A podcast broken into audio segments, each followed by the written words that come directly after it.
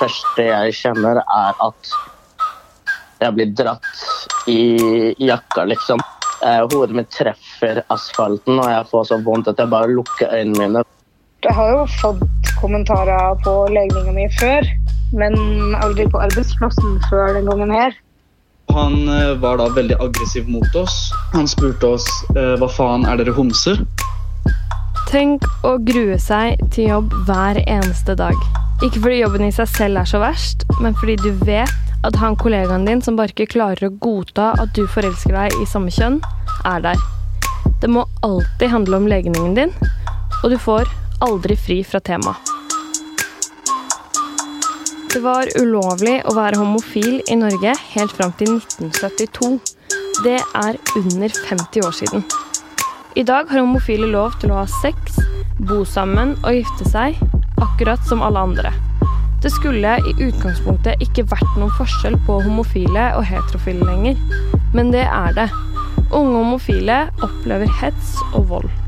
Hvor farlig er det egentlig å være homofil i Norge i dag? Se for deg at du er på date med en du liker skikkelig godt. Dere står på et utested, det er god stemning, og dere kliner litt der ute mellom de andre på dansegulvet. For meg som er heterofil, føles det på ingen måte som at noe sånt ville vært risikabelt. Men for homofile kan det være det.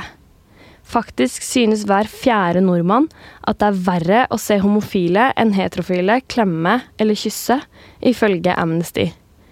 Det fikk 19 år gamle Philip Eskilsen oppleve. Vi dansa jo og klinte, og var ganske åpenlyst at han og jeg hadde en greie, liksom. Og på en måte da selve hendelsen skjedde, var jo da når vi var på toalettet sammen, og jeg ga han et kyss. Eh, og dette var vi da uheldige at en eh, annen gutt kom inn og så. Eh, og han eh, var da veldig aggressiv mot oss. Eh, han spurte oss eh, hva faen er dere homser? Men jeg var veldig liksom, konfliktsky, så jeg sa bare ja. Og så gikk jeg rett forbi han i døråpningen. Eh, men det var når min Tinder-date skulle gå etter meg, så ble han tatt tak i av han eh, fyren og ble dytta i bakken. Og før jeg på en måte fikk sagt noe som helst, så reiste jo da Tinder-daten min seg opp og spurte hva var det for, og gikk mot han fyren.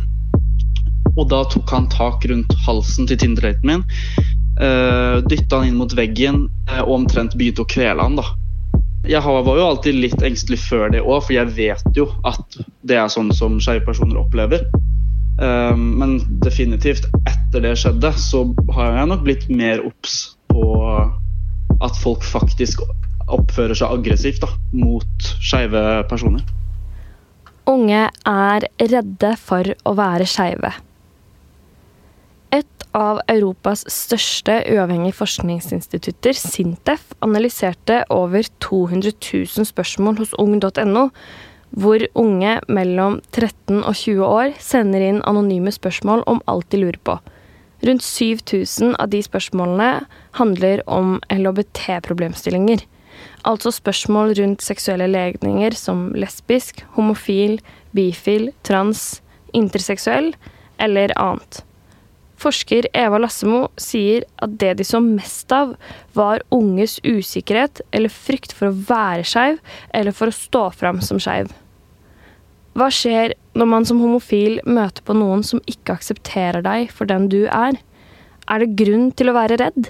Jeg bare husker jeg hadde vært i et sånt selskap på Majorstua med noen venner. Og så hadde, vi, hadde jeg fått til meg mye mer enn det jeg tålte, og jeg ikke tenkte helt over det. Men det bare blacka helt ut, og det første jeg kjenner, er at jeg blir dratt i jakka, liksom, bakfra. Slengt ned som en mopp.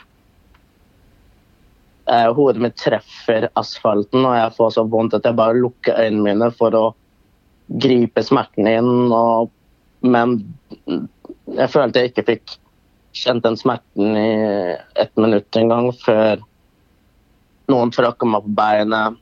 En sparka meg i magen, føltes sånn. Og jeg husker jo basically ikke, men jeg er ganske sikker på at uh, jeg ble tråkka to ganger i ansiktet. 22 år gamle Raoul Sander ble offer for blind vold i Oslo for bare et par måneder siden. Det er viktig å presisere at vi i VG ikke vet hvem voldsutøverne var, og at vi dermed ikke kan si noe sikkert om deres syn på homofile.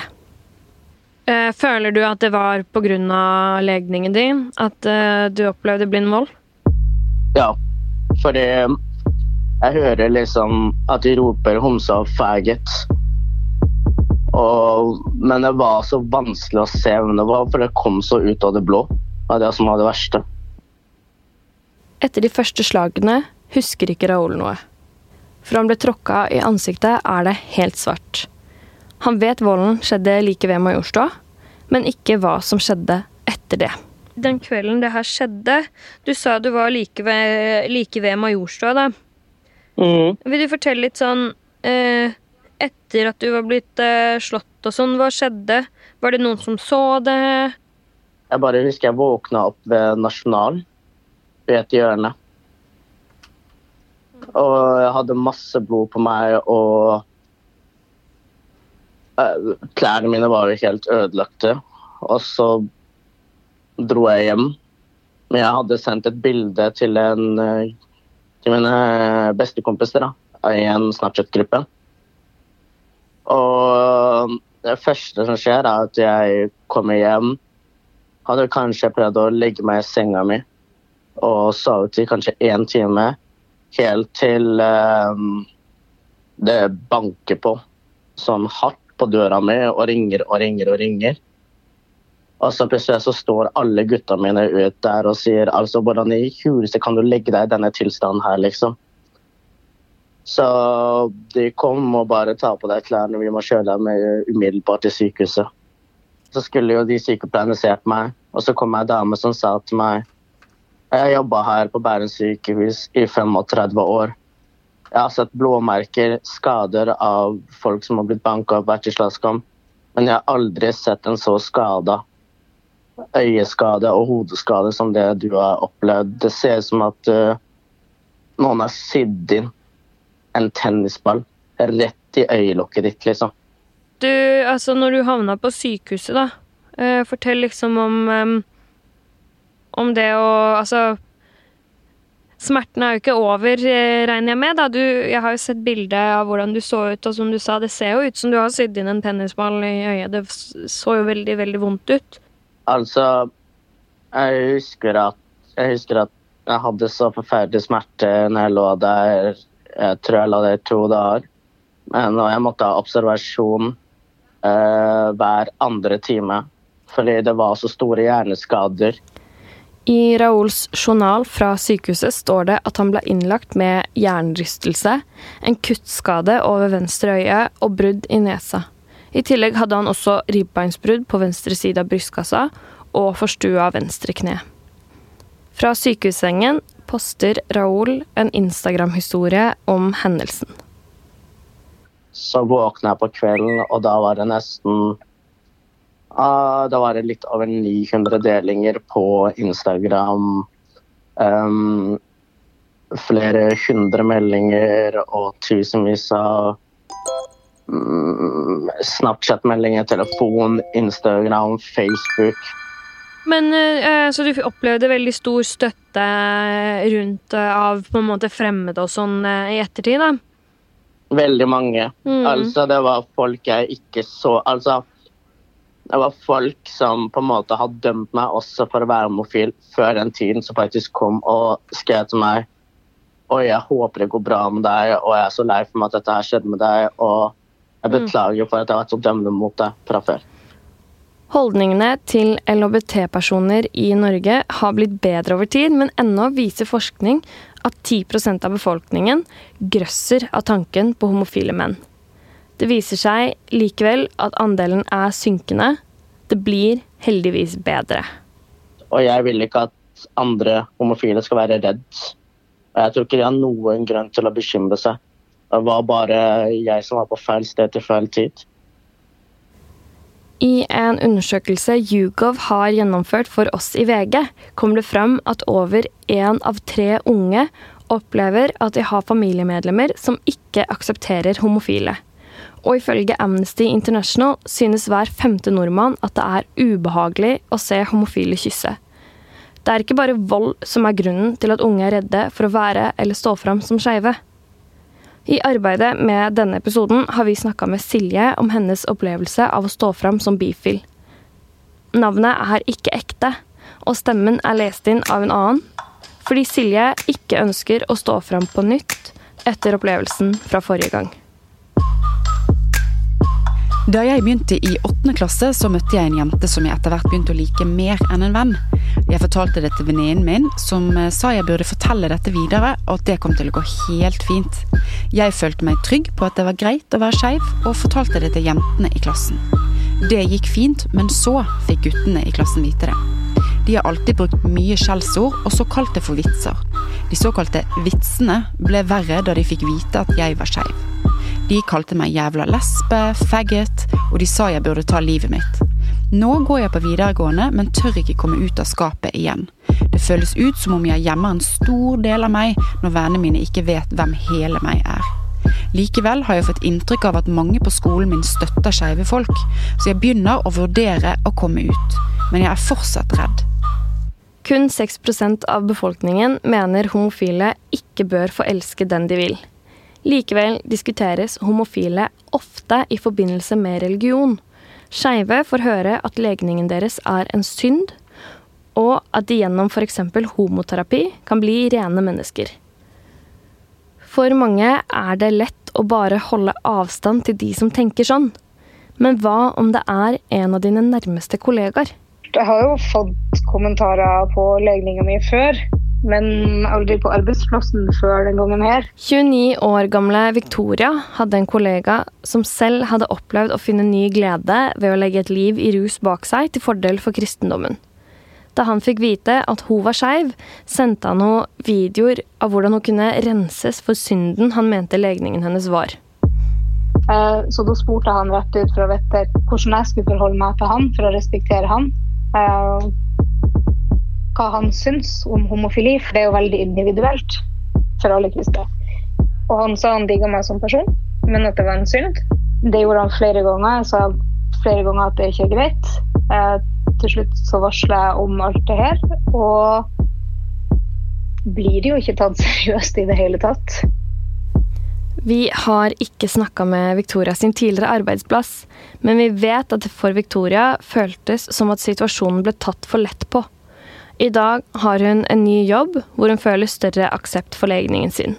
Eh, vi er flere som er skeive, det har ikke så mye å si, men man er inkludert. Og i min nye jobb under Pride så kom sjefen og bare er stolt av det.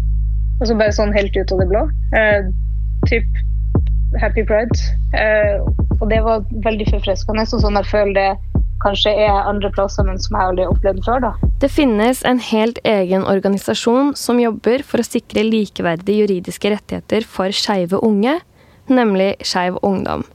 Kollegaen min Bastian har snakka med lederen, 24 år gamle Odd Thomassen. Hva er på en måte den viktigste kampen til Skeiv Ungdom? Det vi sier Skeiv Ungdom, og så er vi for mangfold og så er vi mot diskriminering. Og Det er liksom hovedbudskapet vårt. Og så betyr jo det veldig mye. Akkurat nå så jobber vi en del med konverteringsterapi, eller homoterapi, eh, som var veldig inn eh, i fjor med den eh, VGTV-dokumentaren til Hegseth. Um, så Det jobber vi med nå, for vi har jo fortsatt ikke fått noe forbud. I Norge er det faktisk fremdeles lov å behandle homofile følelser. For ett år siden publiserte VGTV dokumentaren Homoterapi, hvor Morten Hegseth gikk norske lover i sømmene. Da ble det lovet endring, men ennå har ingenting skjedd.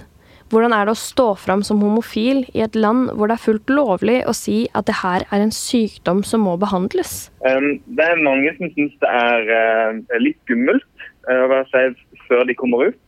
Uh, og så har vi hatt veldig mange positive historier med folk som har sagt at de har kommet ut, så har de kjent at det har vært litt sånn en lettelse. At endelig kan de være seg sjøl. Og da har det også vært mye lettere å være med i liksom, fellesskapet pride er jo mer og mer eh, liksom, eh, i dette landet her at vi har pride i de små grendehusene til de store byene. Og det er mange som føler at de liksom kan delta ordentlig f.eks. i Pride-paraden fordi at de har kommet ut. Siden 80-tallet har pride vært markert i Norge under navn som Homodagene og Skeive dager. I 2014 begynte også vi å bruke pride-navnet, som brukes over hele verden. I år var festivalen digital, men i 2019 samlet over 450 000 nordmenn seg i Oslos gater under festivalen, ifølge arrangørene. De siste årene har flere norske byer deltatt i markeringen, enten med egne parader eller med flagg og markeringer. Det som er viktig med pridefeiring, er at det, eh, gir en synlighet. Hvis eh, 13 år gamle Mona står på sida og ser at det går et pridetog gjennom eh, byen, og så har hun liksom trodd at det kanskje var hørt som lesbisk på skolen, og så har hun tenkt at det, det høres ut som kanskje noe som er er. Men det det er jo ingen andre som er lesbiske rundt meg. Jeg har sett at det er noen lesbiske som er i Oslo, men i den lille bygda som hun er fra, så er det kanskje ingenting.